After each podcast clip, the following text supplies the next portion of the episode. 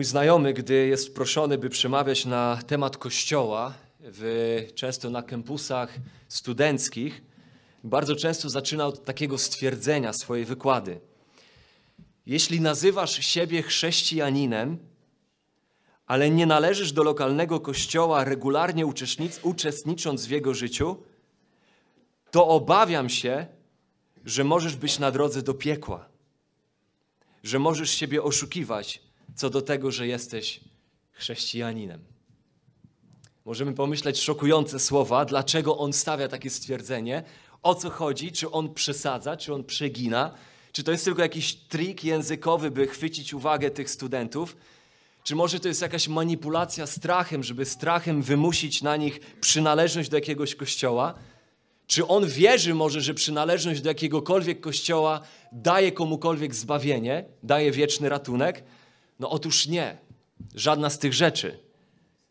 On mówi, on opowiada, ten znajomy opowiada, że zaczyna od takich słów bardzo często w ten właśnie sposób, ponieważ już na wstępie, już na samym początku chce podkreślić, jak ważny jest temat, o którym będzie mówił, a mianowicie, że Kościół ma ogromną wagę dla chrześcijańskiego życia.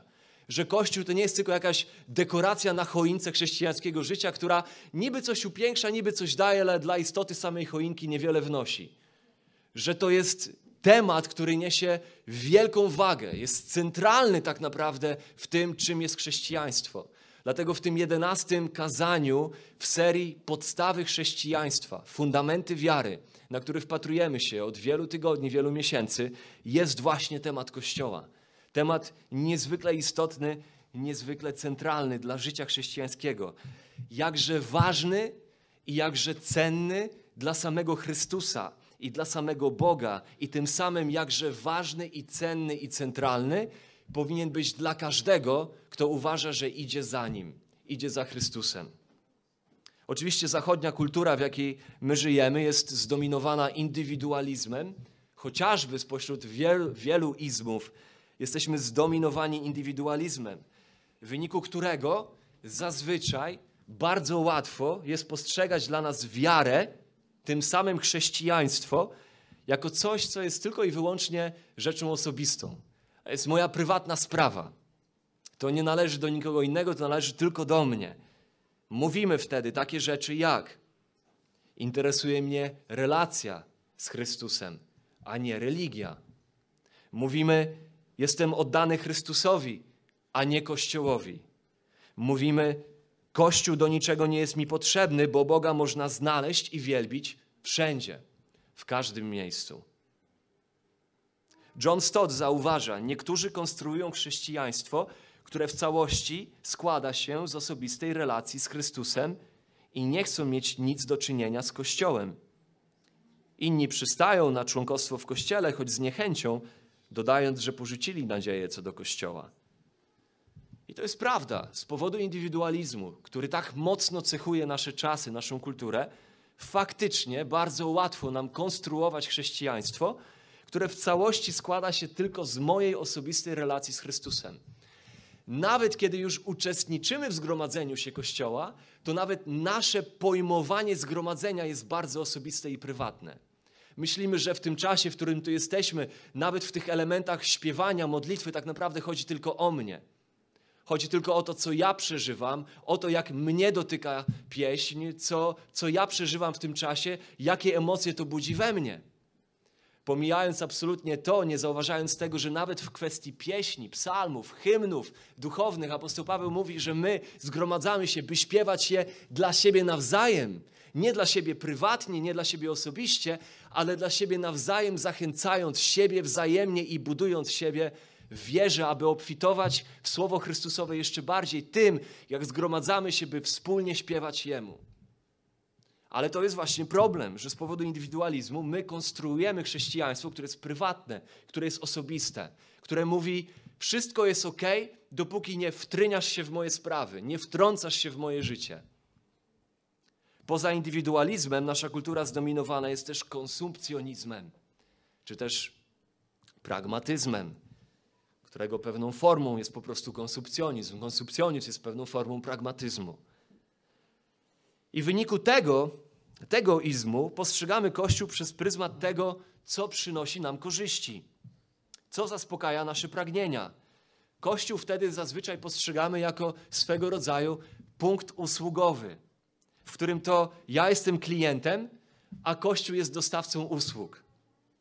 I w imię hasła klient nasz Pan oczekujemy, by kiedy jestem w kościele, kiedy szukam kościoła, by wszystko zgadzało się z moimi oczekiwaniami, z moją definicją tego, czym Kościół powinien być i co powinien dla mnie robić. Bo inaczej, jak dobry klient konsumpcyjny czasów kapitalizmu, pójdę sobie gdzieś indziej, znajdę sobie inny, lepszy punkt usługowy. I w wyniku tego konsumpcjonizmu, pragmatyzmu stajemy się bardzo wybredni, bardzo grymaśni, roszczeniowi. Chcemy, by nam jak najlepiej służono, zapominając o tym, by służyć innym. I do kościoła w zasadzie zaczynamy tylko chodzić. Do tego się ogranicza nasze pojmowanie kościoła, do chodzenia. Troszeczkę zaczynamy traktować, chociażbyśmy tego nigdy tak nie nazwali, to de facto tak jest, że po prostu do kościoła chodzimy, jak idzie się na przedstawienie. I czekamy, żeby to przedstawienie zaspokoiło nasze oczekiwania, nasze jakieś tam potrzeby, żeby dało nam zadowolenie. A jednak okazuje się, że zadowolenie nigdy nie przychodzi, że nigdy go nie ma. Nie znajdujemy zaspokojenia w tej postawie, bo zamiast pragnąć i szukać tej jednej, jedynej rzeczy, która zaspokaja wołania i głód duszy człowieka, czyli zamiast pragnąć i szukać chwały Bożej w swoim życiu i w życiu Jego Kościoła, w zasadzie pragnęliśmy i szukaliśmy chwały tylko swojej. Jeszcze inni myślą o Kościele po prostu z niechęcią. Porzucili co do niego nadzieję, jak zauważył też John Stott. Zazwyczaj w wyniku tego, co w Kościele zobaczyli lub czego doświadczyli.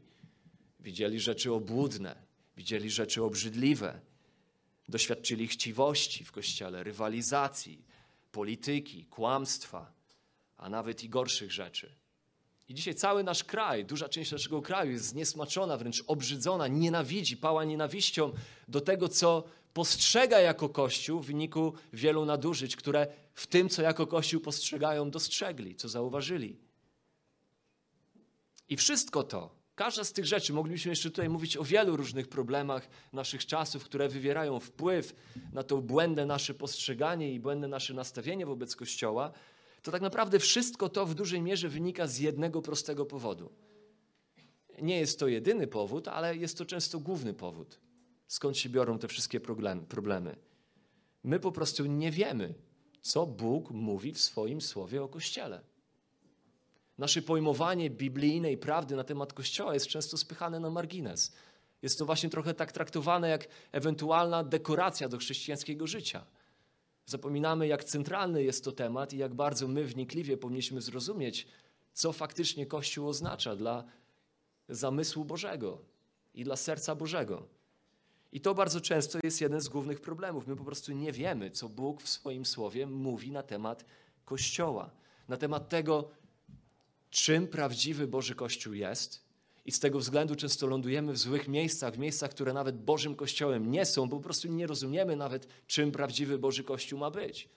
I często nazywamy jakieś rzeczy Kościołem, bo one nazywają siebie Kościołem, ale tak naprawdę one niewiele wspólnego mają z tym, co Bóg nazywa Kościołem w swoim słowie. I drugim problemem jest to, że nie tylko nie wiemy, czym Kościół jest, nie potrafimy go biblijnie po Bożemu zdefiniować, ale nie wiemy, po co Kościół istnieje. Nawet jeżeli już wiemy, czym Kościół jest, to często mamy problem ze zrozumieniem misji Kościoła. Co jest celem Kościoła? Po co my istniejemy jako Kościół? Po co w ogóle Bóg jest zainteresowany gromadzeniem dla siebie ludzi wspólnie? Po co Kościół istnieje? I na te dwa pytania postaramy się odpowiedzieć. Dzisiaj odpowiemy na pierwsze z tych pytań. Pytanie, czym Kościół jest? Czym jest Boży Kościół? Otwórzmy list Pawła do Efezjan, trzeci rozdział, wersety od 18 do 22.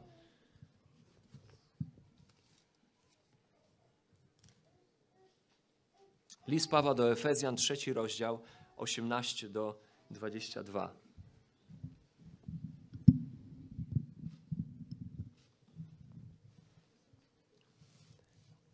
drugi rozdział, przepraszam, drugi rozdział 18 do 22. Albowiem przez Niego mamy dostęp do Ojca, jedni i drudzy, w jednym duchu. Tak więc już nie jesteście obcymi i przychodniami, lecz współobywatelami świętych i domownikami Boga, zbudowani na fundamencie apostołów i proroków, którego kamieniem węgielnym jest sam Chrystus Jezus, na którym to cała budowa mocno spojona rośnie w przybytek święty w Panu, na którym i wy się wespół budujecie na mieszkanie Boże w duchu. I musimy sobie przypomnieć, że w Efezjan e, Paweł bardzo dużo pisze o Kościele, pisze o relacjach Bożych ludzi ze sobą nawzajem, w konkretnym miejscu, o konkretnym czasie. Tutaj konkretnie kieruje to słowa do Kościoła, do zboru, do zgromadzenia w Efezie. W drugiej połowie drugiego rozdziału, mniej więcej od wersetu 11 drugiego rozdziału, Paweł wyjaśnia Kościołowi w Efezie, kim oni jako Kościół są, jak oni powinni myśleć o tej rzeczywistości, która definiuje ich jako zgromadzenie tych, w których Chrystus zadziałał w jakiś konkretny sposób. I tak naprawdę cały ten list, zwłaszcza ta pierwsza część tego listu, połowa tego listu, czyli rozdziały 1, 2, 3, Paweł opisuje bogactwo tego, czy wspaniałość tego, co Bóg zrobił dla człowieka w Chrystusie, w jego relacji z Nim. Można powiedzieć, co Bóg zrobił dla grzesznika w pionie, w pionowej relacji grzesznika z Bogiem. Jak Bóg pojednał grzesznika ze sobą, ze świętym Bogiem. Jego grzechy zostały przebaczone i otrzymał zbawienie, mimo że był martwy w swoich grzechach. I potem opisuje Paweł, jak to, co Bóg zrobił w pionie, to, co Bóg zrobił dla nas w Chrystusie indywidualnie, to, co zrobił dla nas osobiście, Paweł mówi, jak to powinno się manifestować w tym, co Bóg następnie robi dla nas w poziomie, co robi dla nas w relacjach z tymi, którzy są zbawieni, tak samo jak my tego zbawienia dostąpiliśmy. I o tym tak naprawdę jest ten list. O tym, jak dzieło Chrystusa wpływa na to, co się wydarzyło między nami a Bogiem, i jak dzieło Chrystusa wpływa na to, co się wydarzyło między nami a ludźmi Boga, a ludźmi Chrystusa. I w osiemnastym wersecie widzimy, że taką podstawową definicją Kościoła jest grupa ludzi. To jest grupa ludzi. To jest pierwsza prosta rzecz, którą widzimy. Albowiem przez Niego mamy dostęp do Ojca. Mówi w liczbie mnogiej. Mówi my, ludzie, ludzie Boży. Chodzi o pewną grupę. Nie chodzi o indywidualności, tylko chodzi o grupę, o zgromadzenie które potem nazywa domownikami Boga, współobywatelami Boga, nazywa domem Boga, który się buduje. I w wielu miejscach Nowego Testamentu jeszcze wielu innych analogii używa, na które sobie spojrzymy dzisiaj. Więc pierwsze, co widzimy, że Kościół to jest grupa ludzi. Grupa ludzi, którzy mają dostęp do Boga. To są ci, którzy mają dostęp do Boga. Jak mają dostęp do Boga? Przez Niego. Przez Niego to są ci, którzy mają dostęp do Boga, wspólnie stają przed Bogiem przez Niego. Przez kogo? Oczywiście, jak spojrzymy na wersety wyżej, widzimy wyraźnie, że ten ktoś, o kim jest tutaj mowa, to jest Chrystus. To są ci, którzy przez Chrystusa wspólnie mogą stawać przed Bogiem jako przed swoim Ojcem. O tym mówi 18 werset. Kościół jest zgromadzeniem ludzi, których jakbyśmy się cofnęli do wersetu 14, których pokojem jest Chrystus. Werset 14. Werset 16. Kościół jest zgromadzeniem ludzi, którzy pojednali się z Bogiem na podstawie wiary Chrystusa, Jego zbawczego dzieła na krzyżu. To jest ten, który jest naszym pokojem, który uczynił pokój przez krzyż swój i który teraz zwiastuje pokój. No i właśnie tak też przez cały pierwszy rozdział i przez pierwszą połowę drugiego rozdziału Paweł wyjaśnia, o jakich ludzi chodzi. Jacy ludzie tworzą w ogóle Kościół. Z jakich części składowych on jest złożony. I to są ci, ci, którzy tworzą Kościół, to są ci, pierwszy rozdział, siódmy werset. To są ci, którzy w Chrystusie mają odkupienie przez Jego krew i odpuszczenie grzechów, według bogactwa Jego chwały. To są ci, którzy zostali odkupieni. Jak zostali odkupieni? Werset 12 pierwszego rozdziału. Jak to się stało, że oni znaleźli się w Nim i w Nim znaleźli odkupienie i odpuszczenie grzechów? Jak to się stało? Werset 12. Ano tak, że to są ci, którzy złożyli nadzieję w Chrystusie. Werset 13. Gdy usłyszeli słowo prawdy, dobrą nowinę o zbawieniu, jak jest w Chrystusie, uwierzyli w Niego. To jest grupa takich ludzi. To tacy ludzie tworzą Kościół. Kościół jest stworzony z tych, którzy złożyli nadzieję w Chrystusie, słysząc dobrą nowinę o zbawieniu, jak jest w Chrystusie, uwierzyli w Niego i teraz przez Niego, w Nim i dzięki Niemu wspólnie gromadzą się, by stawać przed Bogiem jako przed swoim Ojcem. Można powiedzieć, bardzo podstawowa wiedza, niby taka naturalna, ale bardzo ważna, ponieważ to oznacza, że Kościół Boży, Boży prawdziwy, biblijny Boży Kościół, to nie etykieta. To nie nazwa jakaś, która wspólnie spaja ludzi w jednym miejscu, po prostu. Że prawdziwy Boży biblijny Kościół to nie numer w rejestrze. To nie denominacja. To nie instytucja. Że to nie jest budynek. To nie jest nawet wydarzenie tylko jakieś, na które uczęszczam. To nie katedra, nie bazylika, nie organizacja tylko okazuje się, że pierwszorzędnie u podstaw Kościół to grupa ludzi, których zbawił Bóg, w których życiu dokonała się radykalna duchowa przemiana, którzy przeszli ze śmierci do życia w wyniku Bożej łaski, która zainterweniowała, by ich uratować i dać im przebaczenie grzechów i pojednać ich z Bogiem, który jest święty. To jest rzeczywistość, która definiuje Kościół u jego podstaw. Innymi słowy, Kościół to grupa tych, którzy zobaczyli w sobie duchowe i moralne bankructwo w świetle duchowej, w świetle Bożej doskonałej świętości. Kościół to grupa tych, którzy rozpoznali, że żyli w sprzeciwie wobec Bożego prawa.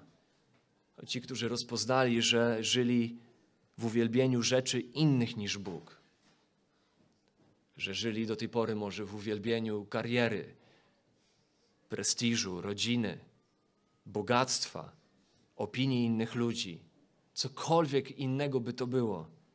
Żyli dla uwielbienia nie Boga, który ich stworzył, a dla uwielbienia czegokolwiek innego, co postawili w jego miejsce. Kościół to grupa ludzi, którzy rozpoznali, że nawet w swoim pragnieniu czynienia dobrze, postępowania moralnie, tak naprawdę pragną kierować uwagę bardziej na siebie niż na tego, który dał im życie i który pierwszorzędnie włożył pragnienie w ich serca, sumienie, które krzyczy do nich, że należy czynić dobrze. To są ci, którzy zrozumieli swoją moralną porażkę. Tym samym zrozumieli, że swoim życiem, jak pisze Paweł w Efezjan w drugim rozdziale, życiem martwym w grzechach i upadkach, życiem ukształtowanym, jak pisze Paweł, według mody tego świata i diabła, który rządzi w powietrzu. Zrozumieli, że swoim życiem, jak pisze Paweł, kontrolowanym przez wewnętrzne pożądanie, zniewolone wewnętrznymi pożądliwościami, zasłużyli nie na to, by Bóg był pod wrażeniem ich moralności i dobrych uczynków, ale zasłużyli z powodu swoich grzechów na to, by być obiektem sprawiedliwego i świętego Bożego sądu. I to są ci, którzy wiedzą, że jeśli by mieli umrzeć w swoich grzechach, nawet tego dnia i stanąć przed Bogiem, który by ich zapytał, dlaczego miałbym pozwolić Ci żyć w mojej obecności, Dlaczego miałbym pozwolić Ci żyć w przyjaźni ze mną przez wieki? To to są ci, którzy odpowiedzieliby: Nie powinieneś. Nie ma żadnego powodu we mnie, na podstawie którego powinieneś pozwolić mi na którąkolwiek z tych rzeczy. A dług, który ja nagromadziłem przed Tobą, święty Boże, jest dla mnie niespłacalny. Ale, ale, jak mówi Efezjan, drugi rozdział, czwarty werset, ale Ty okazałeś się bogaty w łaskę i miłosierdzie. Ale z powodu Twojej łaski i miłości Boże opieram się nie na sobie samym, nie na swojej moralności, nie na swojej sprawiedliwości, ale opieram się na przelanej krwi Chrystusa jako karze zastępczej za moje grzechy, w moje miejsce, jako spłacie mojego długu, jako Ty, jako tego, który stanął w moje miejsce, by zaspokoić wymogi Twojej doskonałej sprawiedliwości. To, to jest definicja Kościoła. To są tacy ludzie, którzy z powodu tego, co Bóg dokonuje w taki sposób w ich sercach, mogą wspólnie, w jednym miejscu, w jednym czasie identyfikować się w przymierzu z innymi ludźmi, by razem żyć dla Bożej chwały, oddawać Mu chwałę, rozgłaszać Jego chwałę i przychodzić do Boga jako do Ojca. To właśnie o tych ludziach pisze Paweł w 2:18. To z nich Bóg tworzy Kościół. To są ci, którzy wpierw pojednali się z Bogiem na podstawie wiary w Chrystusa i w wyniku tego dostępują pojednania, złączenia się nie tylko z Nim, ale z Jego ludźmi. I cały drugi rozdział, cały drugi rozdział, czy druga połowa tego rozdziału, drugiego rozdziału od wersetu 11, Paweł opisuje jak w wyjątkowy sposób to, co zrobił Bóg w Chrystusie, przynosi się na naszą tą rzeczywistość relacji ze sobą nawzajem w Kościele właśnie, pomiędzy tymi, których Chrystus zbawił, że przechodzimy z wrogości do jedności. I tam moglibyśmy czytać, dzisiaj już nie będziemy studiować tego fragmentu, ale Paweł opisuje to, że wy, którzy niegdyś byliście dalecy, staliście się w Chrystusie Jezusie bliscy przez krew Chrystusową. Potem mówi o murze nieprzyjaźni, który został zburzony przez to, co Chrystus dokonał w życiu tych, których zbawił, których pojednał ze sobą. Przegroda z muru nieprzyjaźni, werset 14, została zburzona. I werset 15, z dwóch stworzył jednego nowego człowieka. Opisuje to w kontekście Izraela, ludzi pochodzenia żydowskiego i mówi o poganach, ludziach pochodzenia pogańskiego. I mówi wy, pochodzący kompletnie z dwóch różnych środowisk, żyjący w nienawiści, w odrazie do siebie nawzajem. Teraz z powodu dzieła Chrystusowego w waszym życiu możecie zjednoczyć się w tym, co jest Kościołem i nagle z wrogości Bóg zamienia rzeczywistość waszych relacji w jedność, w miłość. Mur nieprzyjaźni zostaje zburzony.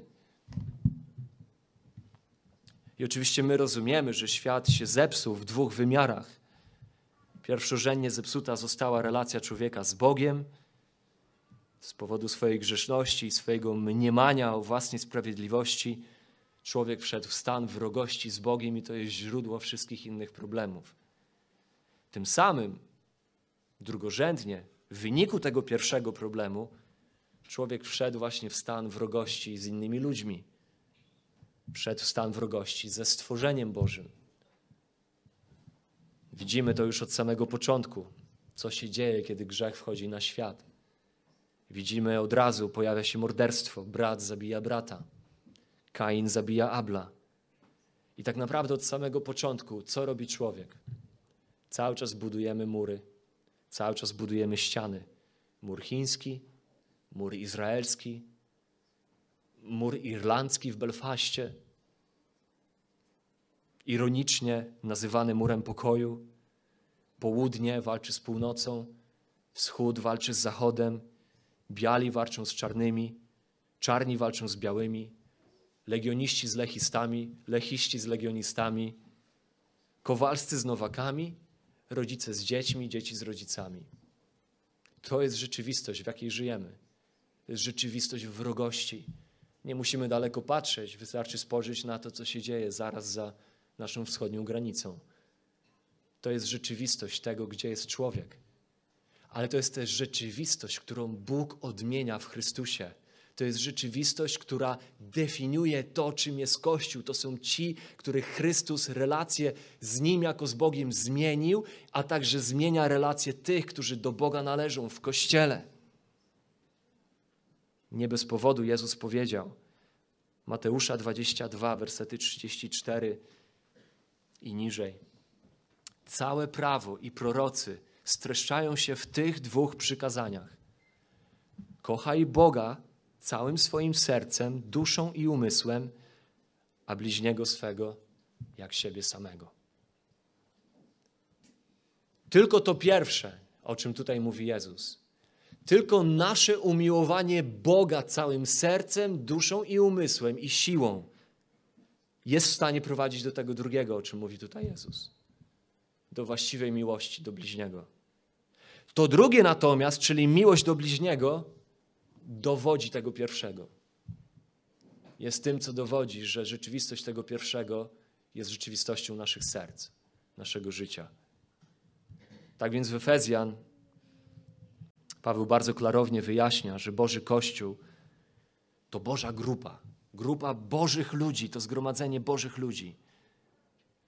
Werset 18 to ci, którzy w jednym duchu przychodzą do Boga. Możemy patrzeć w tekst. Innymi słowy, to nie są ci, którzy są zebrani pod jedną banderą denominacji, tradycji, rytuału, ale ci, którzy w duchu Chrystusowym zespoleni są wspólnym wyznaniem, wspólną wiarą i pojednaniem z Bogiem. Werset 19. To ci, którzy są rodziną Bożą. Tak więc już nie jesteście obcymi i przychodniami, lecz współobywatelami świętych i domownikami Boga. To są ci, którzy są rodziną Bożą, współdomownikami Boga. To ci, którzy stali się dziećmi Bożymi na podstawie tego, że uwierzyli i przyjęli Jezusa, a nie ci, którzy przychodzą do jednego miejsca o określonej porze, nie mając ze sobą nic wspólnego. Poza tym, że gdzieś tam coś przejęli z tradycji rodzinnej i teraz już tak jest, że są po prostu w tym kościele albo w tamtym kościele, bo tak chodzili rodzice, tak robili dziadkowie. Werset 20. Kościół to ci, którzy zbudowani są na Chrystusie, który jest kamieniem węgielnym fundamentu nauki apostolskiej. To są ci, których autorytetem jest innymi słowy to, co Bóg objawił jako prawdziwe i wiążące w nauce apostołów. Zbudowani na fundamencie apostołów i proroków, którego kamieniem węgielnym jest Chrystus. Więc Chrystus, najważniejszy element naszego fundamentu, Chrystus, który przekazuje swoją prawdę apostołom i prorokom, którzy z kolei tę prawdę deklarują w swoim spisanym Słowie Bożym, w Biblii, Kościołowi po wszystkie czasy, by to, ta nauka apostolska i prorocza była wiążąca dla Kościoła przez wszystkie wieki. Więc to są ci, którzy są zbudowani na fundamencie Chrystusa, Jego prawdy przekazanej przez apostołów i proroków w kanonie Nowego Testamentu. Innymi słowy, Kościół, biblijny Boży Kościół, to nie Kościół, który jest zbudowany na sukcesji apostolskiej. Fundament apostołów i proroków został położony, on już leży. To są ci apostołowie i prorocy, których Bóg, Jezus powołał, wybrał w czasach Nowego Testamentu. Fundament został położony, więc prawdziwy Kościół to jest ten, który jest zbudowany na nauce apostołów i proroków objawionej w księgach, w słowach tej księgi nie w sukcesji apostolskiej, nie w tradycji Kościoła, nie w bullach, nie w synodach, nie w naszych subiektywnych doświadczeniach, nie w spekulacjach, ale w treści pisma. To są, to są ci, którzy są zbudowani na fundamencie tej księgi i prawdy, która jest tu objawiona. 3:21, 2:21, 21 werset. Kościół to ci, którzy rosną w przybytek. To są ci, którzy są tą budową mocno spojoną, która rośnie w przybytek święty, żywy. Są świątynią żywą, są żywą budowlą złożoną z żywych kamieni. Innymi słowy, to ci, którzy mają Boże życie w sobie i dzielą się Bożym życiem z innymi. To ci, którzy organicznie na siebie wpływają. To jest żywa społeczność. To nie jest przedstawienie ale to jest żywa budowla złożona z żywych kamieni, które wzajemnie siebie budują, organicznie na siebie oddziaływują. Dlatego w innych fragmentach Kościół jest nazwany ciałem. To są ci, którzy wpływają na siebie, zachęcają siebie, pomagają sobie, napominają siebie, pocieszają siebie, dźwigają brzemiona jedni drugich, okazują sobie gościnność, hojność, razem służą, razem głoszą Ewangelię. razem się modlą, razem czytają i poznają Słowo, razem płaczą i razem się radują. To jest żywa budowla z żywych kamieni. I zauważmy, że niemal za każdym razem, kiedy Nowy Testament mówi o Kościele, to mówi w kontekście lokalnych zborów, mówi w kontekście lokalnych zgromadzeń, lokalnych wspólnot.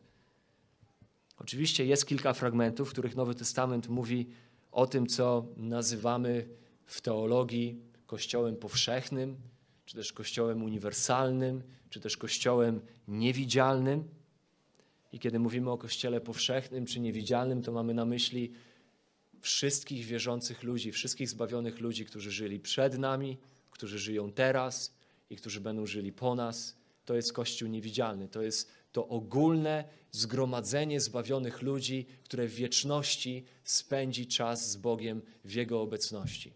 To jest Kościół niewidzialny, powszechny. I Biblia czasami mówi o Kościele w ten sposób, w sposób ogólny, powszechny. Ale nawet wtedy to jest tylko garstka. To na palcach jednej dłoni można policzyć przypadki, gdzie jest mowa o Kościele w sensie powszechnym. To nawet wtedy, w tych kilku przypadkach, mówi o Kościele powszechnym wciąż w kontekście implikacji, jakie to niesie dla życia Kościoła lokalnego. Nawet wtedy, jak na przykład w dziejach 20-28. Dzieje 20-28.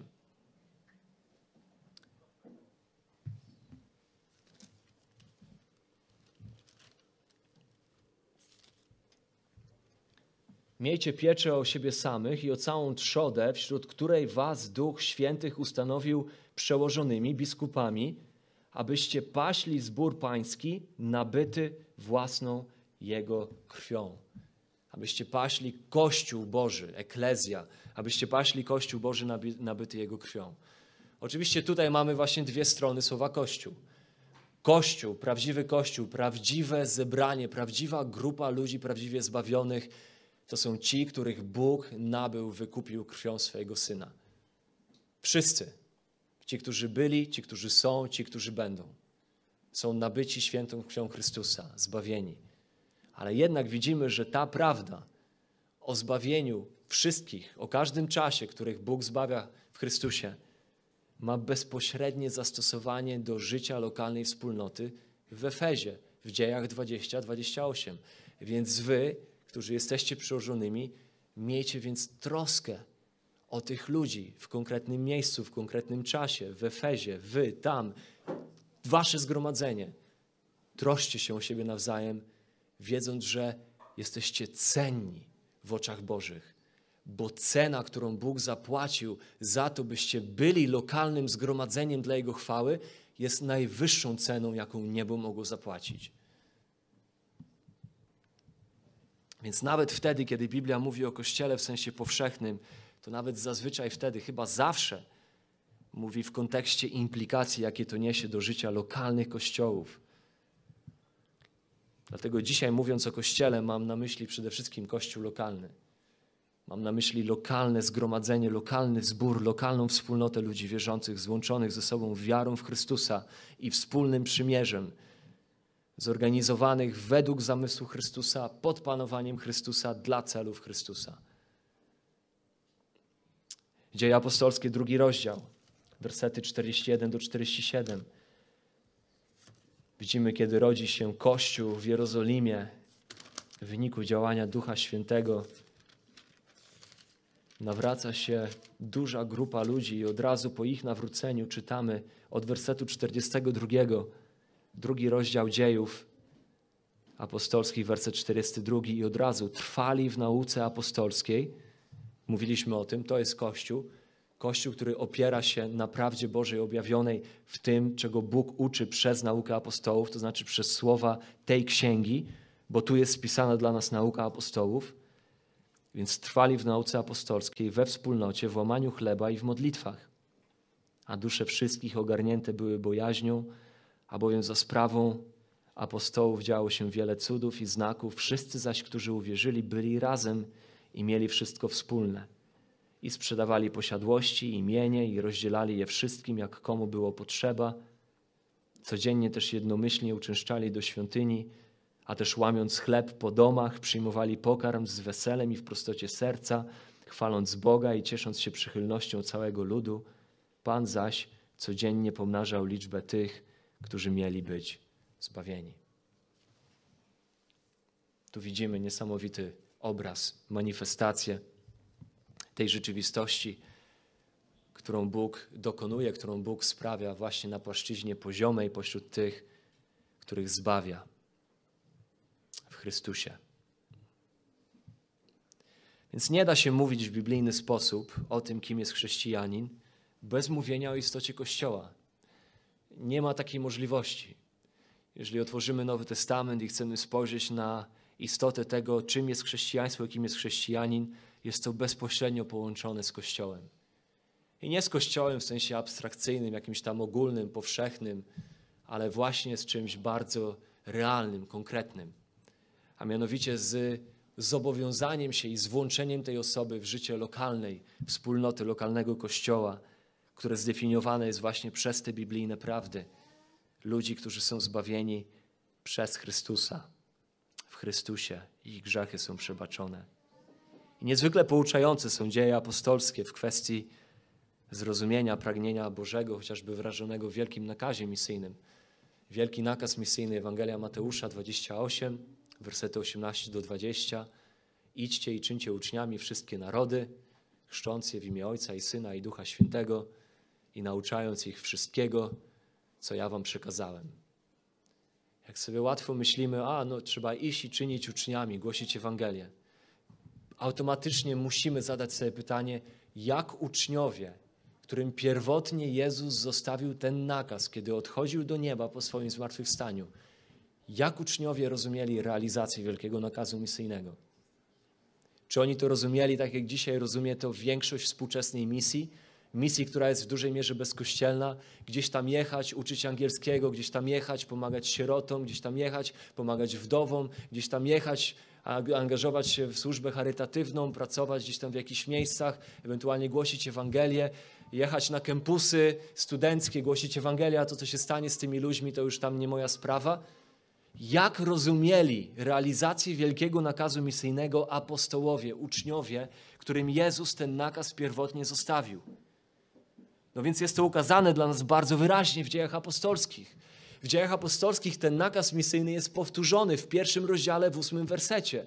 Wy weźmiecie moc Ducha Świętego, który stąpi na was i będziecie moimi świadkami w Jerozolimie, Judei, Samarii, aż po krańce ziemi. To jest dokładnie ten sam nakaz, tylko w innej formie. I potem Duch Święty stępuje na apostołów, otrzymują ten obiecany dar. I co się dzieje? Piotr wstaje, napełniony Duchem Świętym, zaczyna głosić prawdę o tym, kim jest Jezus. W drugim rozdziale czytamy, że na skutek głoszenia prawdy o Jezusie serca ludzi są przeszyte tą prawdą, są dotknięte. Są dotknięte, są doprowadzone do pokuty, do żalu i ludzie wołają: Co mamy czynić, mężowie bracia? Co mamy robić w związku z tym? Więc Piotr wzywa ich do upamiętania, wzywa ich do wiary, wskutek czego czytamy w 41 wersecie drugiego rozdziału dziejów apostolskich, trzy tysiące ludzi przyjmuje słowo Piotra, nawraca się. I tam jest takie małe, drobne stwierdzenie, które łatwo przegapić. I tamtego dnia trzy tysiące dusz zostało dodane. Zostało dodane. Niektóre przykłady pozyskane. Pytanie, do czego dodane? Do czego pozyskane? I po co Łukasz to wtrąca? Czy Łukasz nie mógłby poprzestać na tym, że tego dnia miała miejsce wspaniała ewangelizacja? Trzy tysiące ludzi się nawróciło, przyjęło słowo Ewangelii, ochrzciło się, nawróciło, kropka. A jednak Łukasz decyduje się dorzucić tutaj ten element, że wydarzyło się coś więcej. Ci ludzie pozyskani dla Chrystusa zostali dodani dodani. Albo jak mówi jeden przekład, przekład Ewangelicznego Instytutu Biblijnego, bardzo trafnie to przekłada, tego dnia dołączyło do nich około 3000 dusz.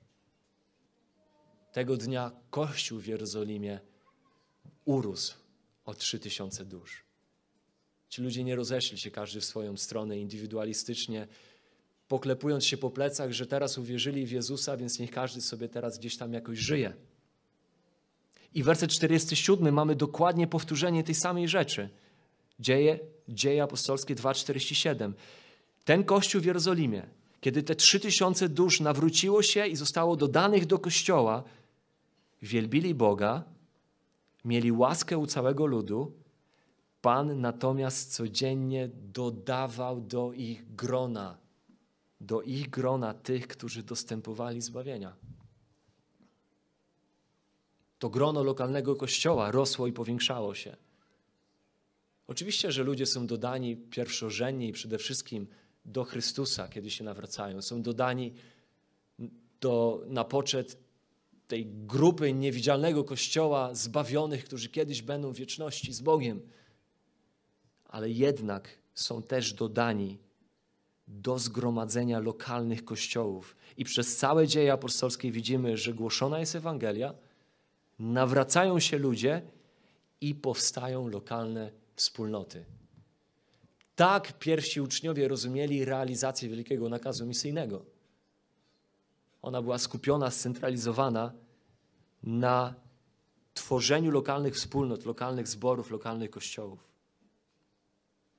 I oczywiście to jest naturalne, że oni tak to rozumieli, bo to oni słyszeli słowa Jezusa w Ewangelii Mateusza w 16 rozdziale, 18 werset. Jezus powiedział: Ja zbuduję kościół mój i bramy piekielne nie przemogą go. Ja jestem zainteresowany budową, mam pewien projekt budowlany. I co ciekawe, w Słowie Bożym, w Biblii, Jezus ma tylko jeden projekt budowlany. I tym projektem budowlanym nie są seminaria, nie są szkoły, nie są sierocińce, nie są szpitale. Każda z tych rzeczy jest dobra i Bóg używa Kościoła do realizowania też i tych rzeczy, ale jednym, jedynym i centralnym projektem budowlanym Jezusa jest to, co powiedział w Mateusza 16, 18. Ja zbuduję Kościół mój. Jeżeli jest coś, o czym my możemy z całą pewnością powiedzieć w tym świecie, Chrystus to buduje, to jest to życie lokalnych wspólnot. To jest to życie lokalnych kościołów, skupionych wokół Chrystusa, dla celów Chrystusa i dla chwały Chrystusa. Jezus to powiedział, Piotr to rozumiał, Łukasz to rozumiał, Paweł to rozumiał. W dziejach 20-28 już ten fragment przywoływaliśmy. Tam widzimy, że ci starsi w Efezie są wzywani, aby paść trzodę, która jest pośród nich, zbór pański nabyty własną Jego krwią. Czy jest cokolwiek, co może jeszcze dobitniej wyrazić to, jak wyjątkowe miejsce w Bożym zamyśle zajmuje lokalny kościół? Tak jak zajmował to miejsce lokalny kościół w Efezie, do którego wtedy Paweł wypowiadał te słowa, tam w dziejach.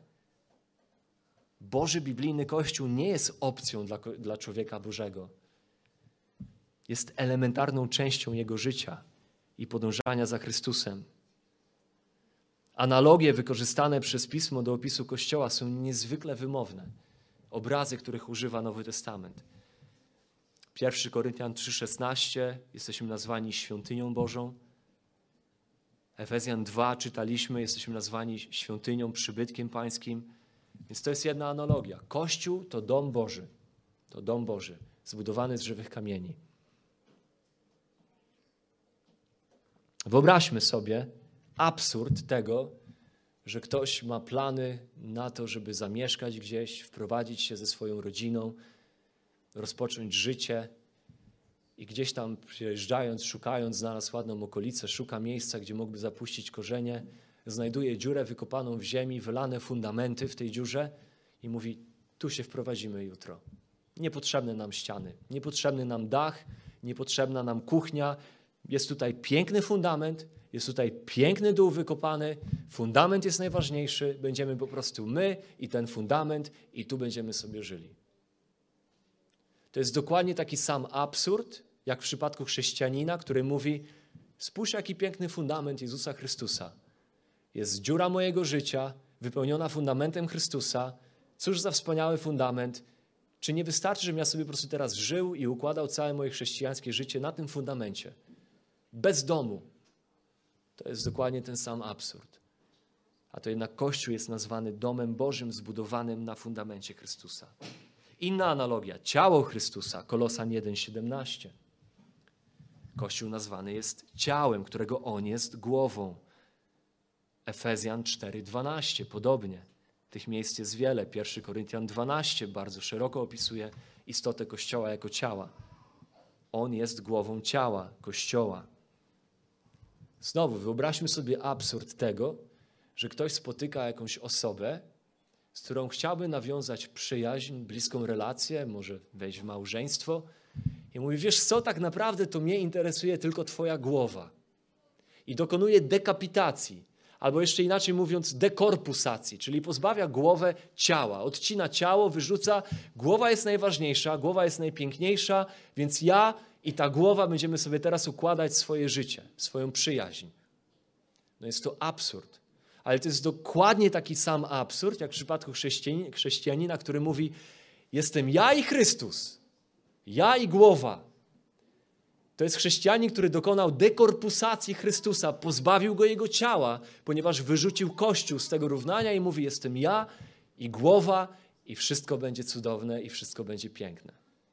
To jest chrześcijanin, który konstruuje chrześcijaństwo w oparciu tylko o swoją osobistą i prywatną relację z Bogiem przez Chrystusa, który jest głową. Trzecia analogia oblubienica. Księga Objawienia, chociażby 19 rozdział, Objawienie 19, wersety 6 do 8. Tam jest to ukazane, jak to właśnie to zgromadzenie zbawionych ludzi jest oblubienicą baranka. Weselmy się, radujmy się, oddajmy mu chwałę, gdyż nastało wesele baranka i oblubienica jego przygotowała się. W Efezjan w piątym rozdziale też Kościół nazwany jest oblubienicą, którą On wykupił dla siebie, umiłował, oddając za nią swoje życie, za tą oblubienicę i oczyszcza ją i przygotowuje ją, żeby ona stanęła przed Nim jako piękna i jako doskonała. Kościół jest tą oblubienicą. Więc wyobraźmy sobie, co to znaczy, kiedy chrześcijanin mówi: Kocham Ciebie, ale Twoja żona mi się nie podoba. Twoja oblubienica mnie nie interesuje.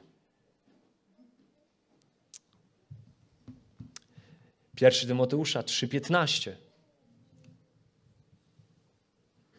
Tam Kościół nazwany jest 1 Tymoteusza 3,15, abyście, abyś wiedział, jak postępować w domu Bożym, który jest filarem i podwaliną prawdy. Tutaj znowu mamy ukazany swego rodzaju cel Kościoła, którym powiemy sobie następnym razem. Po co Kościół istnieje? Filar i podwalina prawdy. Kościół jest tym, który ma wynosić, jest ustanowionym przez Boga narzędziem, instrumentem, który ma uwypuklać prawdę o Bogu. Oczywiście, że każdy z nas jest powołany do tego, by robić to indywidualnie i są też fragmenty w piśmie, które o tym mówią. Ale tutaj mamy jasno zaznaczone, że Kościół jest też tym ustanowionym przez Boga instrumentem uwydatniania, wynoszenia na widok oczu ludzi, którzy obserwują prawdę Bożą. Jest swego rodzaju takim oficjalnym, ustanowionym przez Boga biegaczem z pochodnią prawdy. To jest ten, który trzyma pochodnię prawdy, zwiastuje tę, tę prawdę i ogłasza tę prawdę. Więc im lepiej zaczynamy rozumieć biblijny, Boży portret Kościoła, mam nadzieję, że tym łatwiej zaczynamy dostrzegać, że nie wszystko, po pierwsze, nie wszystko, co się Kościołem nazywa, Kościołem Bożym jest, że nie wszystko, co się nazywa chrześcijaństwem, z biblijnym chrześcijaństwem ma coś wspólnego. Mam nadzieję, że widzimy, że Kościół definiowany jest pierwszorzędnie duchowo, a nie poprzez tradycję, nazwę, strukturę, denominacje i tym podobne, i tym podobne, ale jest zdefiniowany przede wszystkim przez duchową rzeczywistość ludzi, których zbawił Bóg, doprowadził do miejsca skruchy, wyznawania swoich grzechów i dostrzeżenia w Chrystusie wspaniałego Zbawiciela. Zaczynamy, mam nadzieję, rozumieć, że do Bożego Kościoła nie można się zapisać. To nie jest tak, że ktoś może przyjść i powiedzieć, że a to tu bym się zapisał, bo tu mi się coś bardziej podoba, tutaj coś jest fajniejsze, tutaj jest mniej polityki, tutaj jest coś tam, więc chciałbym się tutaj zapisać. Otóż do Kościoła Bożego nie zapisujemy się. W Kościele nie można się urodzić, Kościoła nie można odziedziczyć, Kościoła nie można dostać w darze od swoich rodziców. To nie jest kwestia zgłoszenia się do Kościoła, które odpowiada moim preferencjom.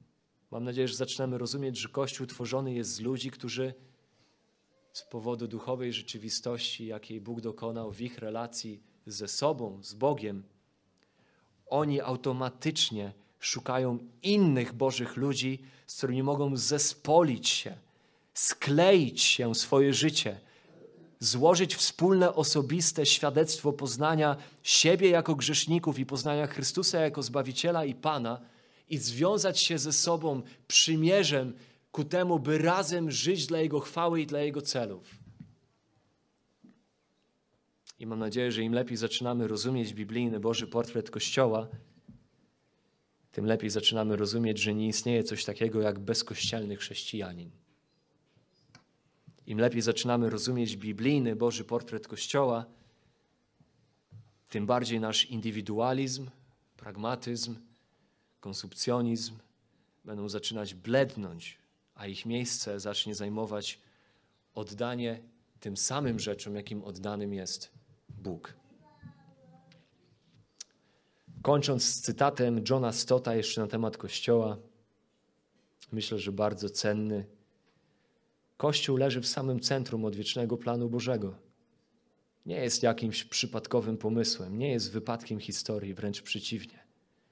Kościół jest ludem Bożym dla Jego celów, zrodzony we wiecznym zamyśle Bożym, realizowanym w toku wydarzeń historycznych, doprowadzony do doskonałości w stanie wiecznym. Tak więc powodem, dla którego jesteśmy tak oddani Kościołowi, jest to, że Bóg jest Jemu tak oddany. Pochylmy głowy w modlitwie.